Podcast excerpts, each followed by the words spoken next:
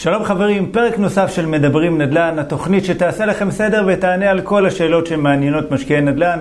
אני קובי זהבי והיום אני מארח את רמי רונן, מנכ"ל ומייסד וויצ'ק, אה, חברה שעוזרת לנו לשמור על השכירות. אה, מה העניינים רמי? בסדר נעים גמור, מאוד. קובי. נעים אה, מאוד. ככה, תודה רבה שאתם מארחים אותי. בכיף, בכיף, שמחים מאוד שאתה כאן. שמע, וויצ'ק, אה, ניתן לך להסביר, אבל תקן אותי אם אני טועה, זה בעצם חברה שמאפשרת לנו לבטח את השכירות שלנו. כן, אנחנו uh, עושים קצת יותר מלאפשר, ואנחנו לא בדיוק חברת ביטוח, אנחנו יותר באמת מאפשרים לך להבטיח את השכירות. שת, שתקבל את הכסף שאתה זכאי לקבל בגין השכירות. כן. אוקיי? מאפשרים לך גם uh, אופציות שונות של מימון על השכירות, אבל לפני הכל מאפשרים לך לדעת שאתה נכנס לעסקת שכירות נכונה, שהיא נכונה לך, שהיא נכונה לדייר שכרגע מביע עניין, או הדיירת, אה, ולעשות את זה בצורה מושכלת, אה, על בסיס טכנולוגיה מאוד מתקדמת, שאנחנו פיתחנו ומפתחים. אוקיי, אז לפני שנצלול ככה יותר לעומק ונבין באמת ככה מה, מה זה כן וויצ'ק ומה אתם עושים ואיך זה עובד, אה, ואת המודל העסקי שלכם, בואו נדבר בכלל על השוק שכירות במדינת ישראל. זאת אומרת, מה, מה קורה? יש לך קצת נתונים לשתף אותנו? כן. אה, מדינת ישראל היום יש סדר גודל של בין אה, 600 ל-650 אלף נכסים שמושכרים. אוקיי. אה, בממוצע בישראל דייר נמצא בדירה שנתיים. זאת אומרת שאנחנו רואים פה סייקל שבשנה מסוימת בדרך כלל מוצאים בין 250 ל-300 אלף נכסים להשכרה, זה בערך הסייקל. אה, אם גם נעקוב אחרי כמות המודעות שמתפרסמות ומדדים נוספים שיש לנו, אז אני יכול להגיד שאנחנו מנטרים את השוק הזה כבר שלוש שנים, וזה באמת המספרים. שכר דירה ממוצע בישראל היום הוא סדר גודל של 50 אלף שקל בשנה, שזה אוקיי. פחות או יותר סביב 4,000 שקל בחודש, הוא ממוצע. יש מקומות שאפשר למצוא כמובן דירות מאוד יקרות, ב- גם בעשרות אלפי שקלים, ויש דירות הרבה יותר זולות, אבל נכון. בממוצע. גם זה נתון שאנחנו מנטרים. כן. אני יכול להגיד לך שהנתון לגבי הדירות שהוצאו להשכרה אתמול, חדשות בשוק, הוא 4,089 שקל בממוצע. אוקיי. אה, אז כך ש... אה, 600 אלף אה, נכסים להשכרה זה מספר אה, מאוד מכובד אה, נכון. למדינה קטנה כמו ישראל. אז קודם כל זה, זה לא המון, אוקיי? זה אומר שבערך בין 30 ל-33 אחוז מהישראלים גרים בשכירות. אוקיי. זה לא נתון מאוד גבוה יחסית ל-OECD. אנחנו רואים מדינות כמו גרמניה למשל, שבהן מעל 50 אחוז מהאוכלוסייה גרה בשכירות. כן, אבל במדינות אה, באירופה יש תרבות של באמת ללכת להשכיר, אין את הבהלה לדירה כמו שיש בישראל. ישראל הרי מה מחנכים אותנו, תשתחרר מהצבא, תתחתן, תלמד, ויאללה, תקנה נכון. דירה. אז, אז קודם כל, אם אנחנו מסתכלים על הנתון הזה, יש גידול כל חודש, כל שנה, בכמות האנשים שבוחרים לשכור ולא לרכוש. עכשיו, הם לא בדיוק בוחרים, אוקיי. לחלקם אין ברירה. אם אנחנו מסתכלים על עקומת הגידול בעלות הדיור במדינת ישראל, ברור שיש אנשים שלא יכולים להרשות את זה לעצמם, והם עדיין צריכים לגור. אה, אז זה קהל אחד שכל הזמן גדל, כרגע, כל עוד זאת מחירי אומרת, כאלה שלא מסוגלים בכלל לקנות דירה, שאין להם את נכון, ההון העצמי. אין להם את ההון העצמי, ובגלל שאין להם את ההון העצמי, הם בוחרים בשכירות. זה דבר אחד. יש גל שני של אנשים שנקראים שוכרים ומשכירים. מי זה אותם אנשים? זה אותם אנשים שכן קנו דירה, אבל הדירה הזאת היא לא מתאימה לצרכים שלהם. הדבר הכי בסיסי, היא פשוט לא נמצאת במקום שבו הם רוצים לעבוד. אז הם מעדיפים להשכיר אותה ולשכור יותר בקרבת המקום שבו הם עובדים. כן. יש, אנחנו רואים היום הרבה יותר אנשים שהדירה אינה מתאימה לצרכיהם כי היא למשל קטנה מדי, ואין להם את ההון העצמי הנוסף הנדרש בשביל לשדרג. ואז מה שהם עושים, הם משכירים את הדירה ושוכרים דירה, אמנם בסכום יותר גבוה, אבל פה הם לא צריכים הון עצמי. ואז הם כן יכולים לעמוד בתשלומים החודשיים של השכירות, אבל הם לא יכולים לעמוד... כאן הם צריכים להוסיף 300-500 שקל לשכירות. נכון, ו- אפילו אלף. אל- אבל אם אתה פתאום צריך להביא עוד 300-400 אלף שקל הון עצמי כן. כדי לשדרג, זה אין לך, אוקיי? נכון. ו... שזה אף פעם גם לא נגמר בזה, כי אתה פעם לא בית חדש, פעם גדול לא יותר, פעם לא לשפץ, נגמר לחדש. בזה, זה אף לא נגמר בזה. ואני חושב שכשאנחנו מסתכלים ברמה משקית לאומית, אה, מדינת ישראל למקום שהיא הולכת תהיה חייבת שיהיה לה אה, אה, מערכת שכירות טובה. אה, אוקיי. אי אפשר יהיה לפתור את הבעיה של מדינת ישראל על ידי זה שבאמת כל האזרחים כל היום יהיו במרוץ הזה, אחרי המחיר העולה של הדיור, אוקיי? יש, העובדה הזאת שאנשים במדינת ישראל רואים בזה את ההשקעה הכי חשובה בחייהם, אוקיי? היא בסדר, אבל יש גם ערוצי השקעה אחרים. ו, אה, ו, ויש פה מרוץ קשה אחרי ההון העצמי, ואחד הדרכים באמת להרגיע אותו זה לאפשר לאנשים אלטרנטיבה ראויה. סבבה. מצד שני, אני, אני מסתכל, אתה יודע, בלי להיכנס עכשיו לפוליטיקה, אני פותח את העיתון ואני רואה שמדינת ישראל לא ממש מחבבת אותנו, המשקיעים. בסדר? אה, עושים כל מיני סנקציות בשביל לגרש אותנו. נכון. אוקיי, מבחינת מדינת ישראל, ככה, זה הרושם, זה לפחות גם הרושם של הציבור, שמשקיעי הם אויבי העם, הם אלה שהמשקיעים בעצם מעלים את מחירי הנדל"ן. אז בואו בוא נדבר על זה קצת. ונדבר על הדירות האלה שמוצעות לשוק. 85% מהדירות שמוצעות להשכרה במדינת ישראל זה דירה אחת בבעלות בן אדם. זאת אומרת, אין פה משקיעי נדל"ן, יש פה עמך ישראל. אוקיי? אוקיי. זאת אומרת, אין פה טייקונים שמחזיקים עשרות דירות, זה מקרים מאוד בודדים. ברוב המקרים זה משפחה או אדם שאו שירש דירה או שרכש עוד דירה להשקעה כתחליף לפנסיה או כל השקעה אחרת, ובעצם הוא משכיר דירה אחת. הוא לא טייקון. כן. הוא דרך אגב לא בהכרח בפרופיל סוציו-אקונומי מאוד שונה ממי שבא לגור אצלו בדירה. נכון. אוקיי?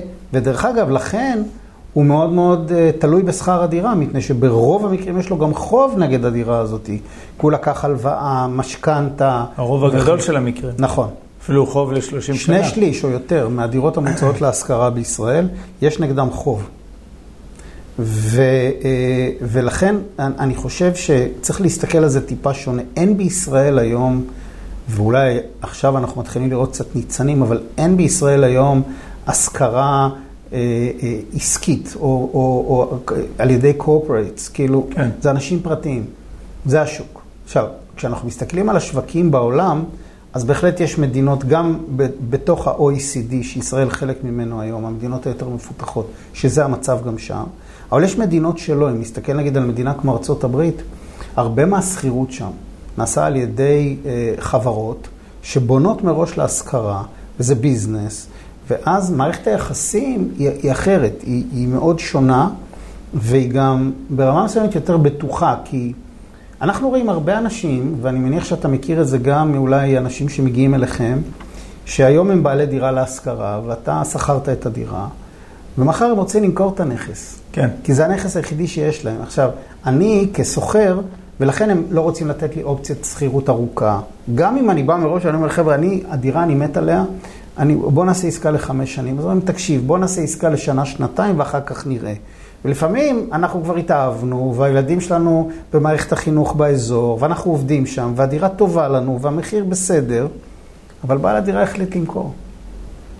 כי זה לא עסק אצלו, זה לא עסק. כן. ו- ואז אה, אה, אה, אה, לפעמים, במצבים מסוימים, נוצר אה, אה, מצב שבו השיטה בישראל היום היא לא שיטה שנותנת ביטחון גדול לדיירים.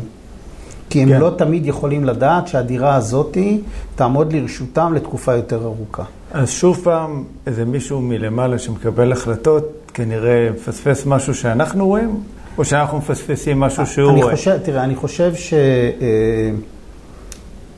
שמישהו מלמעלה כרגע נמצא במצב שיש לחץ גדול ומצוקה על הנושא של מחירי הדיור, ומנסים לנקוט בפעולות. מדינת הפעולות שננקטו במדינת ישראל הן לא מאוד שונות מפעולות שננקטו גם בשווקים אחרים. זאת אומרת, אני לא חושב שממשלת ישראל או הפקידות באוצר או במקומות אחרים או בבנק ישראל נקטו בפעולות שהן חריגות. הגבלה על שיעור מימון למשקיעים קיים במדינות נוספות, כצעד שמנסה לקרר את, ה, את העסק. הגבלה על שיעור מימון גם לאנשים פרטיים, על היכולת לקנות דירות נוספות ולא לגור בהן, ומיסוי וכו', זה קיים. השאלה רק אם במקומות אחרים בעולם או. השיטה הזאת עבדה. לא. לא. לא. אז למה לעשות, אתה יודע. קופי פסט על משהו שלא אז עובד? אני אסביר. היא יכולה לעבוד אם במקביל לזה אתה מגדיל את ההיצע. אבל זה לא קורה במדינת ישראל. לא דרך אגב, ובכל. ובכל מקום שזה לא קרה, ולא משנה למה, אני לא באמת חושב שמדינת ישראל בהכרח לא רוצה להגדיל את ההיצע, אוקיי? אבל יש אולי קשיים אובייקטיביים ואחרים, ואולי באמת אה, אה, גם, גם נושאים שפוליטית אף אחד לא רצה להתעמת איתם, כי הם יושבים על מרכזי כוח פוליטיים שאנשים לא רצו להתעסק, זה לא עניין של מפלגה כזאת, או ימין או שמאל, או, או כזה או אחר. וכתוצאה מזה שאתה עושה רק את הפעולות האלה, שהן פעולות קלות, אוקיי? כי אתה מוציא הוראה והבנקים חייבים, כאילו זה קל, הוצאת פתק וזה קרה. הרבה יותר קשה להוציא פתק ולייצר עוד 40 אלף דירות, כן. אוקיי? ולכן אני חושב שהפעולות האלה לבד, לא רק בישראל, יש על זה מחקרים היום אה, שהתפרסמו ממש גם בשבועות האחרונים על שורות הצעדים האלה, שמראים שישראל איננה חריגה בצעדים שהיא נקטה, אבל הצעדים האלה לא עוזרים. הם לא מקררים את השוק. השוק כן. מוצא מה שנקרא workarounds, אז אנשים מוצאים פתרונות אחרים. לפעמים, באמת, לתקופה מסוימת, חלקים מסוימים של הרוכשים הפוטנציאליים יוצאים מהשוק, אבל זה רק לתקופה. נכון, כמו שקרה בתקופה של כחלון, שהוא העלה את מס הרכישה, ואז זה סבבה, זה קצת צינן את השוק, אבל, אולי כן, אבל גרם אני- אבל להאטה, חושב- אבל אבל זה לא באמת ש- בלם את אבל- המחירים. כן, אבל אני חושב שזה אה, צינן את השוק, אוקיי? לאו דווקא רק מבחינת זה שהיה שם מס, אלא כי אני חושב שהיה זמן שלקח למשקיעים להתרגל לסביבת הריבית הנמוכה. אני רוצה להסביר. כן. סביבת הריבית הנמוכה, הנגזרת הראשונה שלה זה שהכסף זול. אז כאילו זה מייצר מוטיבציה ללכת ולהשקיע. כי אם יש לי גישה לכסף זול. הדבר השני שאני מגלה, שהתשואות שאני עושה הן יותר נמוכות. עכשיו, בוא רגע ניקח לדוגמה תשואה שאיננה רווח הון. אני מדבר תשואה שוטפת על השכרה בישראל, נניח שהיא נעה נטו בין 2 ל-3 אחוז. אוקיי, אתה מדבר על אזור המרכז יותר. כן, בסדר? אוקיי. יכול להיות שיש מקומות עם תשואה קצת יותר טובה, אבל... ישנם, ישנם. כן, אבל, אבל, אבל אני הולך על הממוצע, כן. בסדר? בכוונה אני לוקח תשואה שהיא נשמעת נמוכה. אוקיי. המשקיעים בשלב הראשון, כשהתחיל המאבק נגדם, אמרו, רגע, גם התשואה לא משהו. וגם אה, לוקחים לי מס על הרווח שאני הולך להרוויח בין קנייה למכירה. אז אני יוצא מהמשחק. סבבה, יצא מהמשחק, לקח את המזומן וגילה שבעצם הריבית הנמוכה גם מורידה את התשואה שלו באפיקים האלטרנטיביים הבטוחים. כי אתה לא יכול להשוות השקעה בדירה להשקעה במניות. זה נכון, רמת סיכון זה- שונה. מגרש אחר. אז פתאום אתה בא, אתה, אתה רוצה לשים את הכסף בפיקדון בבנק, מציעים לך 0.1 אחוז. אז אתה אומר, רגע, אם הייתי כן שם את הכסף, לפחות הייתי מקבל 3 אחוז על הדירה. אין לי בעצם היום תשואה מובטחת ב-3 אחוז. יש לי תשואה מובטחת, אם אני אקבל חצי אחוז, אני כריש. אז אנשים לאט לאט מתחילים וחוזרים לשוק ואומרים, שנייה, זה לא כזה גרוע 3 אחוז. אין לי אלטרנטיבה מובטחת היום שנותנת לי 5 אחוז במקום אחר. כן, אני יכול ללכת להשקעה יותר מסוכנת. נכון, אם אתה מחשב את כל מה שדיברנו עד, עד עכשיו, אוקיי, על שוק הנדל"ן, שהמחירים, אם אני מבין נכון, לא הולכים באמת להשתנות לא. ולרדת. להפך, יש, עוד יש יותר- רק כיוון אחד שהמחירים הולכים, לעלות. ויש אפילו אה, מצוקה של אה, דירות להשכרה.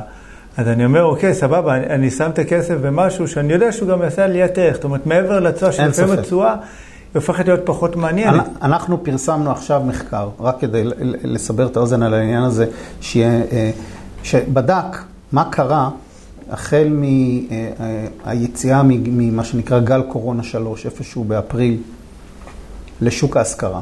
והשווה את זה לשנה שעברה, ומה שאנחנו רואים, שיש ירידה דרמטית בהיצע.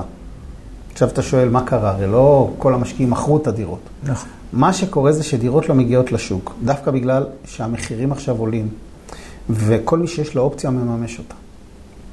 אז הדירה לא חוזרת לשוק. לפני שנה, למשל, היה היצע יותר גדול. אחת הסיבות הייתה שאחרי גל קורונה אחד, היה תחלופה. אנשים פתאום אמרו, רגע, אין לי עבודה, אני בחל"ת, אז אולי אני אחזור לגור אצל ההורים. הדירה התפנתה, והיא לא נשארה ריקה. צריך לזכור, דירות לא נשארות ריקות. זה אגדה, אין דירות כן. ריקות. כל הדירות בסוף מושכרות, אוקיי? אין מישהו שלא משכיר את הדירה שלו. ישנן דירות ריקות, אבל יש, יש סיבה שהן ריקות. כן. לא בגלל שלא מצליחים להשכיר נכון, אותן, נכון. זה כבר כל מיני סיבות אחרות סיבות של אחרות, דירות אני- נטושות. אני מסכים. בסדר? לא ניכנס לזה לא, עכשיו. יש אנשים שבסוף מחליטים שהם לא רוצים מכל מיני סיבות. לכן אני אומר, אם אנחנו מסתכלים רגע על שוק ההשכרה, שאין ספק שהוא נגזרת של שוק הקנייה ומכירה של דירות, אנחנו רואים אה, אה, את אותן מגמות ואנחנו רואים גם את אותן מצוקות. זאת אומרת, כשהרגולטור והממשלה מתקשים לפתור בעיה בשוק הראשוני של קנייה ומכירה, הבעיה הזאת היא זזה לשוק ההשכרה, אוקיי? והיא מתעצמת גם שם. אז נהיה יותר קשה להשיג דירה, ואז המחירים עולים, אוקיי? ואז הדרישות עולות. אה, ואני חושב שבסופו של דבר זה מעגל. אני חושב שבסביבה יציבה, מדינה צריכה לדאוג שמצד אחד יהיה שוק שהוא מתאים בגודלו לקצב גידול האוכלוסייה, ומצד שני, היא צריכה לייצר משוואה, כן, שחלק מהאוכלוסייה תגור בשכירות. וזה לא צריך להיתפס כמשהו פחות טוב או לא נכון, זה צריך להיתפס כמשהו שהוא חלק מהדרך שאנחנו חיים בה. כמו שאנחנו אה, היום פחות ופחות רוכשים מכונית, אלא קונים את זה בליסינג או לוקחים איזשהי מימון כזה או אחר, בעצם האוטו לא בבעלותנו, אוקיי? מה שאולי לפני 10 או 15 שנה או 20 שנה היה נדיר, תלוי רק במקומות עבודה גדולים, היום זה בכל מקום, כן. אוקיי? אף אחד לא רוצה להיות הבעלים של רכב, הוא לא רואה בזה ערך, אוקיי? אז נכון, יש ירידת ערך שם וכו', אבל זו לא הסיבה המרכזית. גם בדיור, אני לא חושב שיש בעיה עם זה שאנשים גרים בשכירות. אבל צריך ליצור שם יציבות. אני חושב שמה שאנחנו עושים בוויצ'ק, בין השאר אנחנו מאוד עוזרים לשוק הזה לעבור למצב יותר יציב, יותר רציונלי. פחות אמוציונלי, פחות אה, אה, תלוי ב, ב, ב, בתחושות, אוקיי? כי השוק הזה כרגע במדינת ישראל הוא שוק לא מספיק משוכלל, mm. אין בו מספיק מידע, ואני חושב ש, שפה אנחנו נכנסים. כן. אתה חושב שבעוד כמה שנים אנחנו נראה יותר גופים פיננסיים שמציעים דירות אה, להשכרה? קודם כל, עניינים ב... שלמים, קודם כל, מתחמים קודם, שלמים? קודם כל בוודאות כן, זה כבר קורה, אוקיי? וזה קורה דרך אגב בין השאר בגלל צעד של הרגולטור, שנותן היום הטבות מס לגופים שבונים להשכרה, אוקיי? אז מן הסתם אותם יזמים, כדאי להם, אז הם מייעדים חלק מהבנייה שלהם להשכרה. ואני חושב שזאת היא המוטיבציה המרכזית. אני לא חושב שאני רואה כרגע עדיין מספיק אה, גורמים שבאים לשם מתוך זיהוי שוק ההשכרה כשוק מטרה. כי, שמע, התשואה בסוף בארץ נמוכה, הם, הם ילכו להקים את אותו פרויקט, נניח סתם בארצות הברית, התשואה שם יכולה להיות אפילו כפולה. נכון. בלי בעיה. אני מסכים. או חושב, אפילו חושב, באירופה. אני חושב שחלק מזה... אז למה להם לבוא להקים עכשיו קרנות אה, כאן? ו- אז, ו- אז, ו- אז אני חושב שבאמת חלק מזה נובע מהעלות הגבוהה היום של דירות חדשות, אוקיי? פעמיים, פעם אחת הקרקע מאוד יקרה, פעם שנייה עלות הבנייה בישראל לא זולה. ו- אה, והדבר הזה מוביל בסופו של דבר למצב שכמו שאתה אומר, מי ש... היום הוא שחקן, והיום כולנו שחקנים במידה כזאת או אחרת בשוק הגלובלי, אוקיי? יש לו אלטרנטיבות השקעה אחרות. כשנותנים לו הטבה, אוקיי? אז זה קורה. וכשזה יקרה, זה יגבר. אתה יודע, צריך לזכור שגם כשמסתכלים היום על תעשיית ההייטק הישראלית, שהיא נראית מנוע צמיחה פנומנלי, מדינת ישראל, במשך שנים, בתחילת הדרך, גרמה לתעשייה הזאת לגדול ולהשקעות להגיע לכאן דרך עידוד ומענקים והטבות מס, כדי שבאמת למשקיעים, כשהם עושים את השיקול איפה אני רוצה להשקיע, הם יבואו להשקיע בישראל. כן. אם מדינת ישראל תעודד, אוקיי, את הבנייה מהס, מהסוגים האלה, אוקיי, אז זה יקרה, ואנחנו רואים את זה גם. רק אתה עושה שינוי במשוואה של המס, הגורמים הפרטיים, אין להם בעיה של משאבים, ואין להם בעיה היום של נגישות לכסף. כן. אבל הם לא יעשו משהו שכמו שאתה אומר, לא כדאי להם. אז צריך להפוך את זה לכדאי. הייתה הרבה ביקורת בתחילת הדרך על הממשלות ישראל לדורותיהם, על ההטבות הגדולות שניתנו בעולם ההייטק, אוקיי? ואני חושב שהיום זה ברור שמדינת ישראל נקטה בצעדים נכונים, גם אם תמיד אפשר למצוא איזה עיוות במענק שניתן לגורם א' או ב'. זה יצר סביבה שהיום היא כבר יודעת נכון, לממן את עצמה. מדינת ישראל יש לה מקום מאוד חשוב בעולם ההייטק. אני חושב שאם יהיה פה מספיק גורמים שילכו לעולם ההשכרה בצורה יותר עסקית ומסחרית, וזה יצליח, והם ירוויחו, אוקיי? אז יהיו עוד. ותתפתח כן. תשתית אחרת, זה יקרין על כל השוק. בסוף צריך להבין, כשבא גורם מקצועי ונכנס להשכרה, ומשנה את הפרמטרים, בסופו של דבר זה מקרין גם עליי כבן אדם פרטי שמשכיר דירה אחת. אוקיי? נכון. כי נוצר סטנדרט.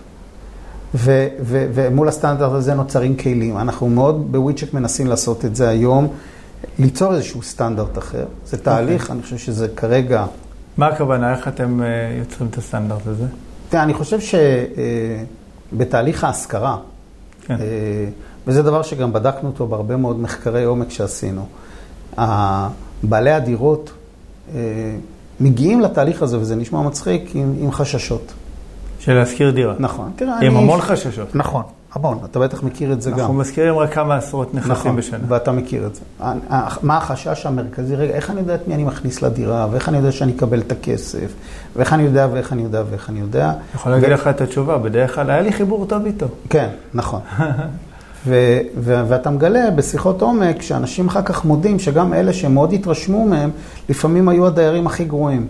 אה, לא שילמו בזמן, לא שילמו בכלל, השאירו חוב, רצו אחריהם, לא התפנו, כל מיני צרות כאלה ואחרות. עכשיו, אנחנו בסקרים שעשינו ראינו שגם אם שיעור הדיפולט האמיתי הוא לא עצום, כי אחרת השוק הזה לא יכול להתקיים, אוקיי?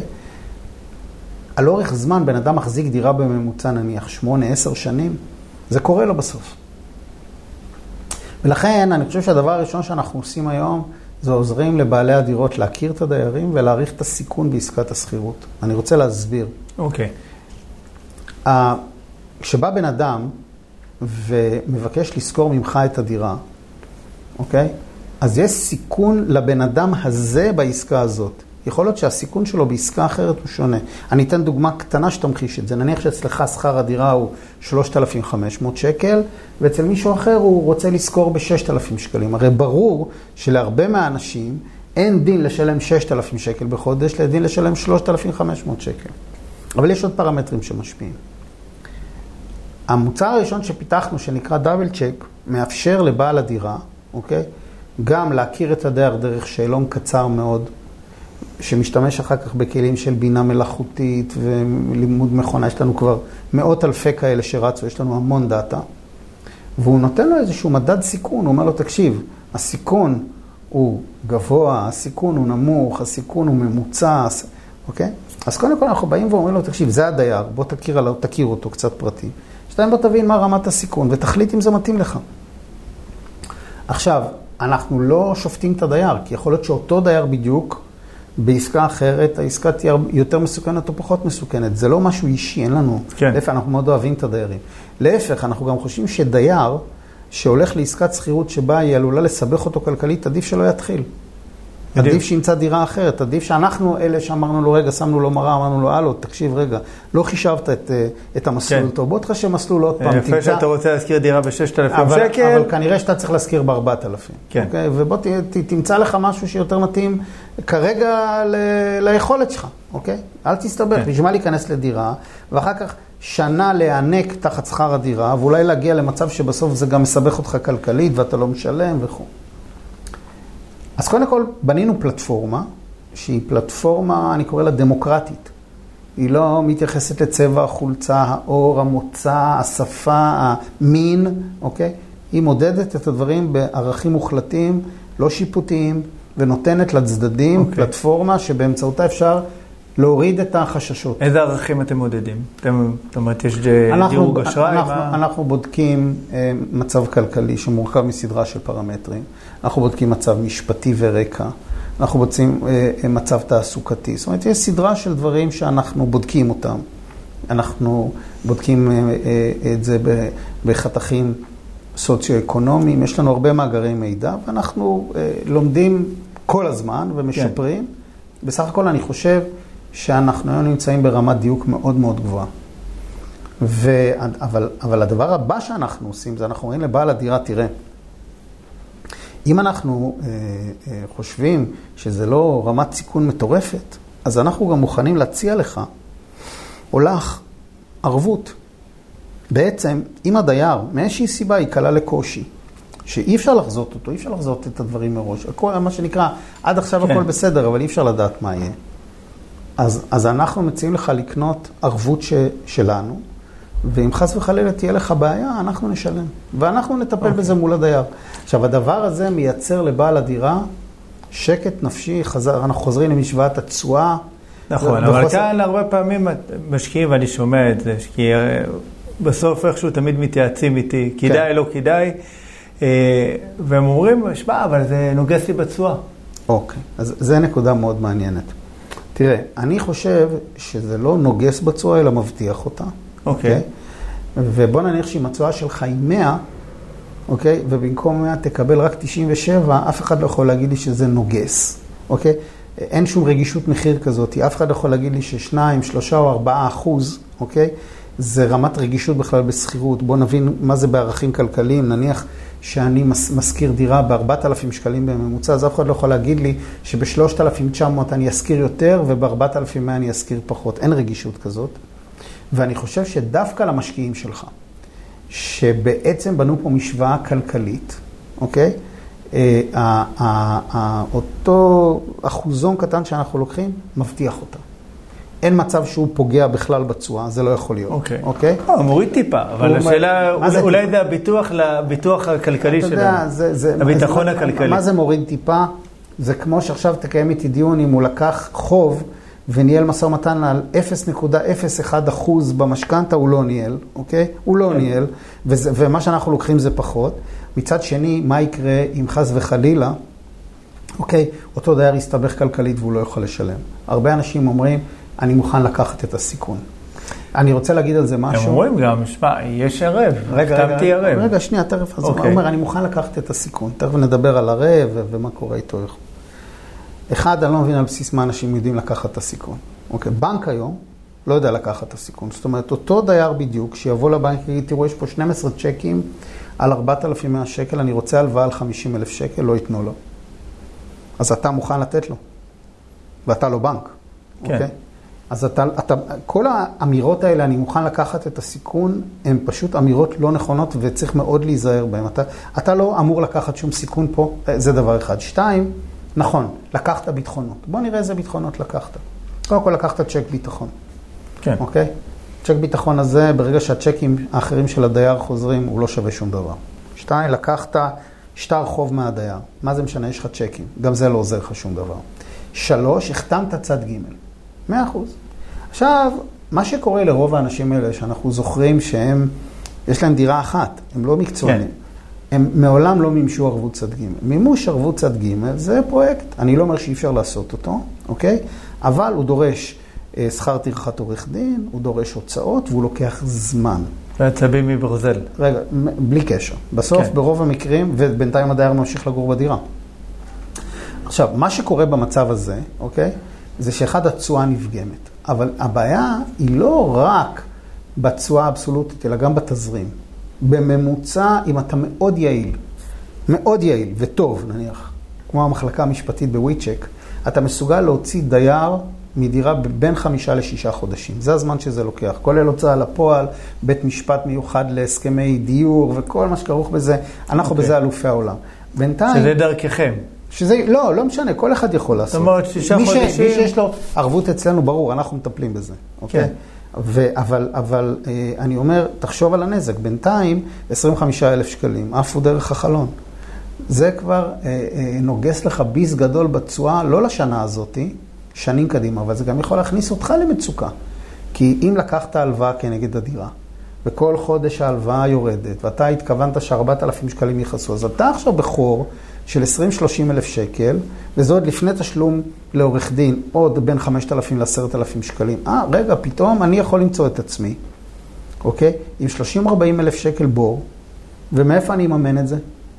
לכן אני חושב שכל מי שבא ואומר לעצמו, אני לוקח את הסיכון, אוקיי?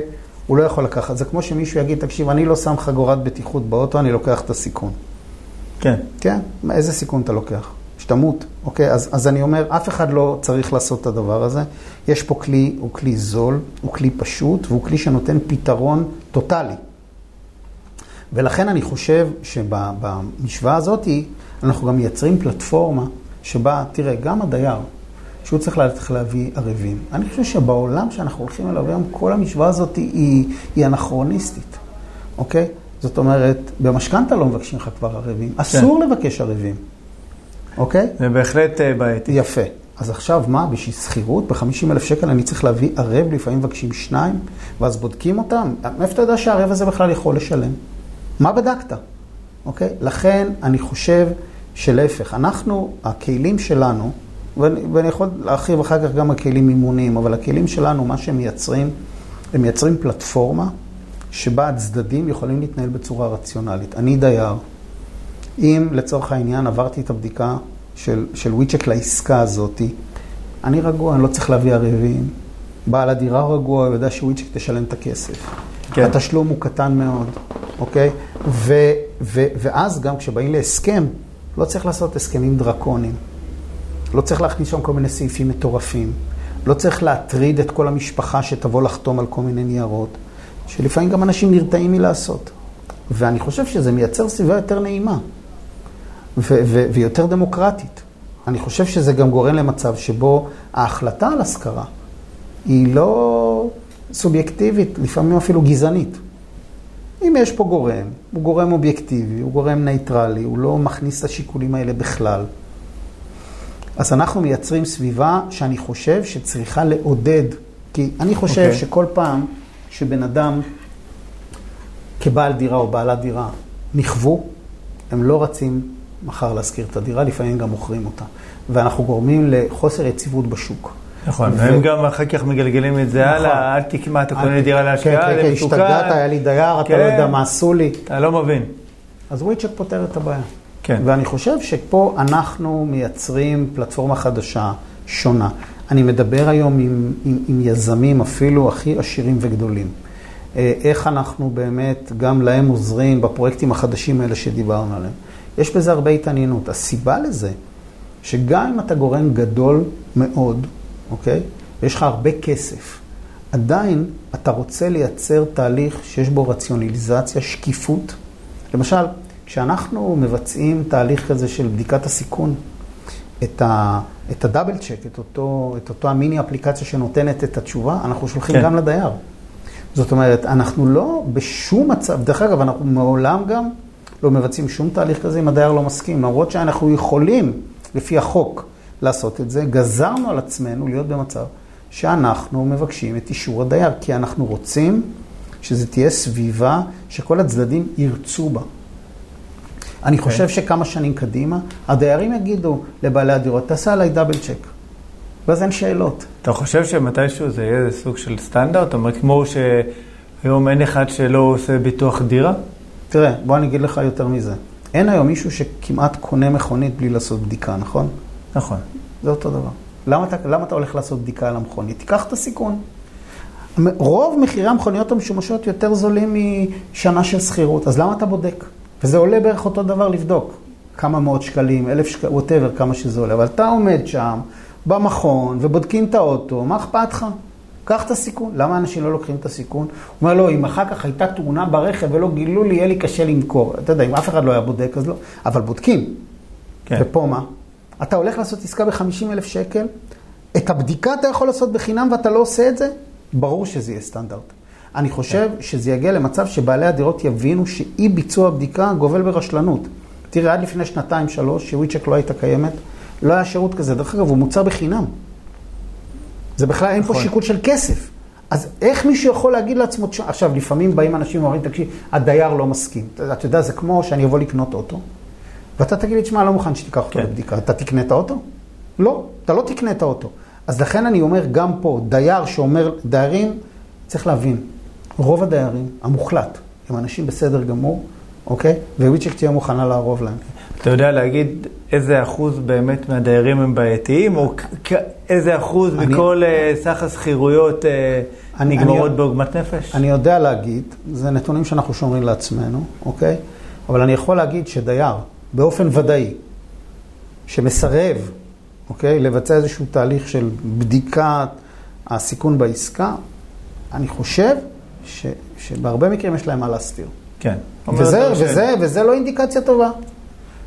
זה לא אינדיקציה טובה. תראה, אנחנו גוף מפוקח. יש לנו גם רישיון מרשות שוק ההון. אנחנו גם מפוקחים על ידי הרשות למניעת פרטיות, על ידי רשות הסייבר ה- הישראלית. זאת אומרת, כשאתה אוקיי. אוקיי. נותן לנו דאטה, הוא נשאר אצלנו, הוא מוגן, הוא שמור. אין סיבה אוקיי, אנחנו לא איזה אה, גוף לא ידוע. כל העולם ואחותו בדקו אותנו. אוקיי, אז זאת אומרת, רגע, אז מה זה WeCheck? זאת אומרת, אתם חברת ביטוח, חברה אנחנו פיננסית? חברת פינטק. אוקיי, אנחנו חברת פינטק, יש לנו גם רישיון לתת אשראי וערבויות אוקיי. מהמדינה. יש לנו רישיון, אה, מה שנקרא, מורחב לתת אשראי. אנחנו יכולים לתת אשראי גם בסכומים מאוד גדולים, אוקיי? ו, ו, וכדי לקבל את הרישיונות האלה וכדי להתחבר למאגרי מידע וכו', אנחנו גם כפופים לרגולציה.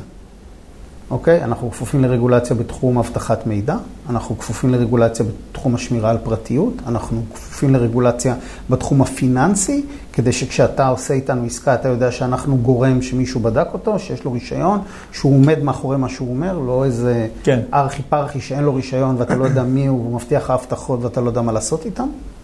ו- ואני חושב שבעלי המניות של וויצ'ק הם כמה מהחברות הגדולות במשק הישראלי, אם זה ישראכרד, אם זה יד שתיים, אם זה קבוצת דיסקונט. זאת אומרת, יש פה גורם אה, משמעותי שבא ו- ומציע מגוון של שירותים ברמה הגבוהה ביותר, הכל דיגיטלי, כן. הכל אוטומטי, הכל ללא מגע יד אדם. ו- ואני חושב שכן, השירותים האלה, הציפייה שלנו זה שהם הם, הם, הם יהפכו להיות סוג של סטנדרט, כי, כי אני חושב שכשזה יקרה, זה תהיה ברכה לענף ההשכרה בישראל. אוקיי, זאת אומרת, מעבר לביטוח יש את האפשרות של המימון גם? נכון. אומרת, אז בואו נדבר על המימון. אנחנו קודם כל מציעים לבעלי הדירות אפשרות לממן את שכר הדירה. אני אסביר. אתה אוקיי. משקיע, או גור... מישהו ש... שאתה לא רוצה את הכסף הזה כלוא, ואתה צריך לחכות חודש וחודשו לקבל אותו, אז מעבר לערבות, אתה יכול להוסיף עוד איזושהי תוספת שהיא בעיקרה ריבית, ואנחנו מאפשרים לך לקבל את שכר הדירה מראש. במקום לחכות כל חודש עוד 4,000 שקל ועוד 4,000 שקל, בוא קח היום את רוב הכסף, כן. כמעט 50 אלף שקל, אנחנו מעבירים לך בהעברה אחת, ואתה מקבל את כל שכר הדירה מראש. יש לנו הרבה מאוד לקוחות שעושים את זה. זה גם שקט נפשי, אני לא צריך להתעסק עם זה, הפקדות, כן העביר כסף, לא וכו', וגם, תשמע, הכסף זמין. אם אני לא צריך אותו 100%, אבל אם אני צריך אותו, אוקיי? אז uh, הוא זמין לי ואני יכול להשתמש בו. אנחנו רואים הרבה פעמים משקיעים, במיוחד בשנה או השנתיים הראשונות של ההשקעה, שהם רוצים את הקדמת הכסף הזה, כדי לאפשר להם אה, לפרוע חלק מהחוב שהם לקחו בתחילת הדרך. אם תחשוב, אם בממוצע בשנתיים אתה יכול להקדים 100 אלף שקל, אז זה, תשמע, זה 100 אלף שקל פחות חוב שאתה צריך לפרוס על הפני הרבה זמן. ואתה כן. כן. יודע בוודאות, אוקיי? שוויצ'ק תיתן לך את הכסף, וזה בהחלט יכול להוות כלי וחשיבה איך אני מתממן. זה נותן לבעלי הדירות להשכרה עוד דרגת חופש. היום לא ניתן, לא ניתן להתממן על שכר דירה בשום מקום. אנשים יכולים לקחת הלוואות על האובליגו שלהם, זה בסדר, אוקיי? כן. אבל בשיטה הזאת, שזה חוץ-בנקאי, שזה לא יושב על האובליגו, שזה יכול מאוד לעזור לאנשים היום, במיוחד במצב שבו אתה צריך יותר הון עצמי וכו', כן, אני חושב ש, אה, שהשירות הזה יהפוך להיות יותר ויותר נדרש. בשביל זה, אבל אתם חייבים להיות ממש בטוחים ב- בסוחר. כי זאת אומרת, בעצם אתם נותנים לי את הכסף תחילת שנה, שאתם לא בטוחים שהסוחר בכלל ישלם לאורך נכון. כל השנה. אנחנו בטוחים. אוקיי. יש לנו מערכות מאוד מתוחכמות, אה, ואם אנחנו לא בטוחים, אז אנחנו לא נותנים את הכסף, אבל אז אנחנו גם לא ניתן ערבות, כי אין שום הבדל. אם הסוחר, אנחנו גם צריכים להיות בטוחים בסוחר כדי לתת ערבות, אוקיי? כן. אז אנחנו, יש לנו מערכות מאוד מתוחכמות, שמבצעות את כל הבדיקות האלה, יש לנו, זה ההתמחות שלנו. ההתמחות שלנו זה בסיכוני אשראי. כן. זה בעצם חושב ש- הלב של הטכנולוגיה. כן. השירות שלכם, החינמי שאתם נותנים, הדאבל צ'ק, הוא באמת, אה, בעיניי הוא חובה, זאת אומרת, לא משנה... נכון, אה, פשוט לנצל את זה. יש כאן מתנה, אפשרות לבדוק. חד משמעית. אם תחליטו לבטח או לא. כל- נכון, כל עוד אנחנו סבבה. מעמידים את זה בחינם, אני חושב שמי שלא משתמש בזה עושה טעות גדולה. כן. ואחר כך, תשמע, אני לא אה, כרגע נכנס לכל מיני שיקולים. אני כמובן חושב שכדאי להשתמש בשירותים שלנו בתשלום, אבל זה בסדר, אנחנו לא קושרים שירות בשירות. כן. בשום צורה, אין אותיות קטנות. אין. עכשיו, אנחנו כרגע נמצאים בהתחלה של פיילוט גם בעולמות של הלוואות לדיור, שזה אוקיי. תחום חדש לגמרי שהקמנו אותו, ואני בטוח ש... שבשנה הבאה ניפגש עוד פעם ואני אשמח להרחיב ולספר מה כן. אנחנו עושים שם. זאת אומרת, יש סיכוי שאולי נתחיל לקחת משכנתאות מוויצ'ק? יש כבר אנשים שלוקחים משכנתאות מוויצ'ק. כן. כן. יפה, טוב, אז זה נשמור אה, לפרק הבא בפודקאסט. כן, כן, אנחנו... אה, אה, יפה. אנחנו צריכים, כן, כן. יש לנו עוד אה, משהו ממש, כמו- אה, כן. כמה דקות, ובגלל כן, זה, זה כן. בדיוק אות ממש ממש טוב לעבור. לפינה הגבוהה שלנו, יש לנו פינה גבוהה, אה, אוקיי? אה, לא יודע אם אתה מכיר, שנקראת השאלון שמעתי, המהיר. אבל בוא נלך אה. גילוי לך. כן, טוב, נו בסדר. אז מאוד פשוט, אני שואל, אתה עונה ספונטני. אה, בסדר? ככה. בקליל. אז תאר לי את עצמך בשלוש מילים. בשלוש מילים, אני חושב שאני קודם כל חבר, אחר כך אני אה, יזם, ובסוף אני גם איש משפחה. מקסים, יפה. מי הוא האדם שהכי השפיע עליך? וואו, זה קשה. אה, אני חושב שהרבה אנשים השפיעו עליי, אבל אני יכול לדבר על הבן אדם הראשון שהשפיע עליי. כשהייתי בבית ספר יסודי הייתה לי מורה שקראו לה רבקה, ואני חושב שהיא אה, קלטה אותי. ואני חושב שהשנים שהיא לימדה אותי, למרות שהייתי צעיר, אה, נתנו בי ערכים של יכולת לימוד עצמית ושל אה, מצוינות. ואני חושב שזה המשהו שאחר כך ליווה אותי כל החיים. יפה, כל אחד צריך מישהו שיאמין בו. נכון. מקסים. ספר מומלץ? תראה, יש הרבה ספרים, אני קורא מכל מיני ז'אנרים, אבל אם רגע אני אקח את זה בקונטקסט העסקי, אני חושב שאחד הספרים שהשפיע עליי בעולם העסקי זה אה, ספר שבאנגלית נקרא Barbarians at the Gate.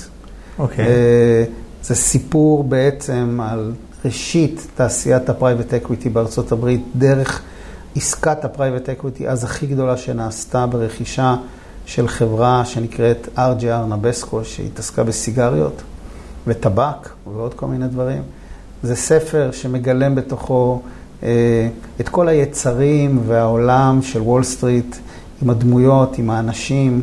מאוד מעניין, אני חושב שאחר כך עשו מזה גם סרט שכנראה היה קצת פחות מומלץ מהספר, אבל הספר מצוין, שווה לקרוא אותו. מקסים, אחלה המלצה. הדבר הראשון שהיית לוקח איתך לאי בודד, את אשתי, והדבר האחרון שהיית לוקח איתך לאי בודד, כסף. כסף. יפה. העצה הכי טובה שנתנו לך? וואו, העצה הכי טובה שנתנו לי, אה, העצה הכי טובה שנתנו לי, נתן לי בן אדם מבוגר שאמר לי פעם, וחכם מאוד, שאמר לי פעם, שאנשים בסוף תמיד מתנהגים לפי האופי שלהם ולא לפי האינטרס. וואו. ואת זה. צריך, ואת זה צריך לזכור. כן, זה צריך גם רגע, איך אומרים, לגלגל בראש. אה, להפנים את זה. אבל זה עצה שגיליתי אותה אחר כך בהרבה סיטואציות שהייתי כן.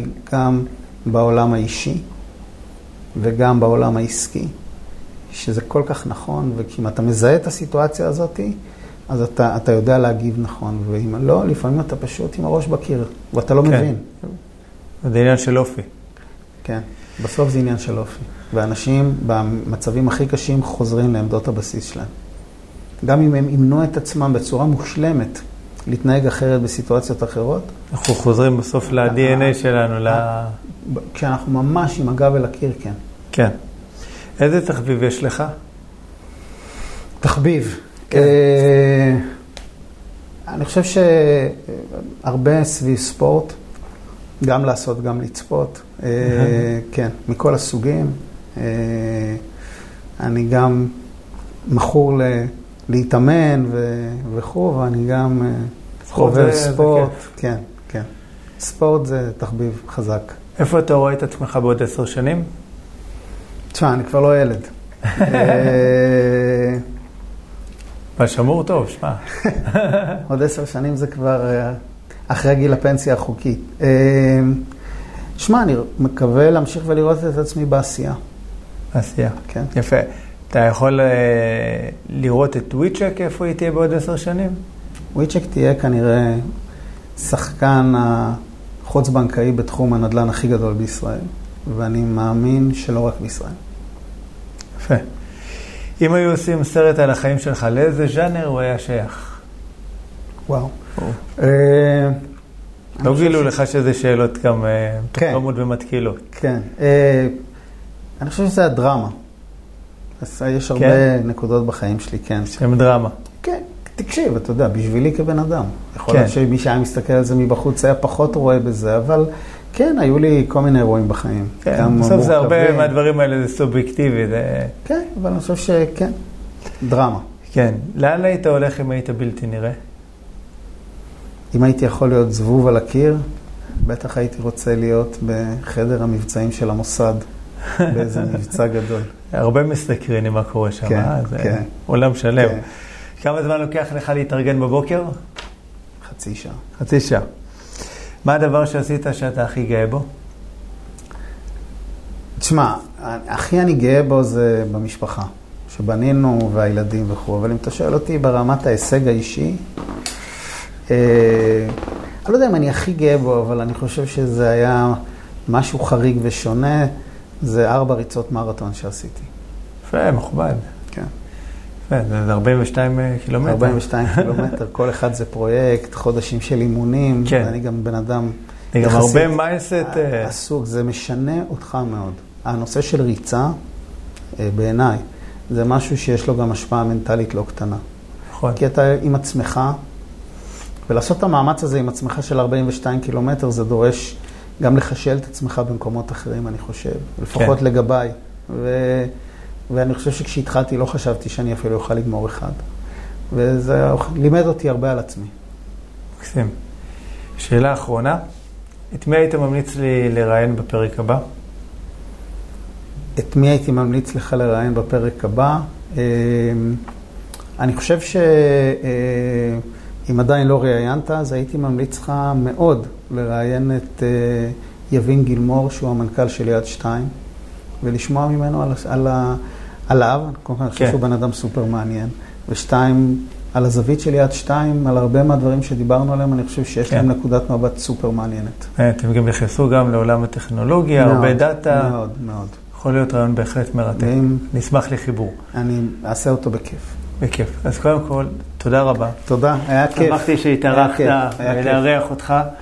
אה, תענוג, אז חברים, קודם כל, אם עדיין לא נרשמתם לערוץ היוטיוב שלנו, אז זה הזמן, תלחצו על כפתור ההרשמה ועל כפתור הפעמון שתישארו מעודכנים בפרקים הבאים. אם אתם עדיין לא עוקבים אחרינו בכל האפליקציות הפודקאסטים, Spotify, Apple Podcast, אז אה, תעשו עוקב. אה, זהו, שיהיה לכם, תמשיכו לעשות נדל"ן, השקעה נכונה. ביי ביי חברים, תודה רבה רמי. תודה רבה. ניפגש בפרק הבא. ביי. תודה.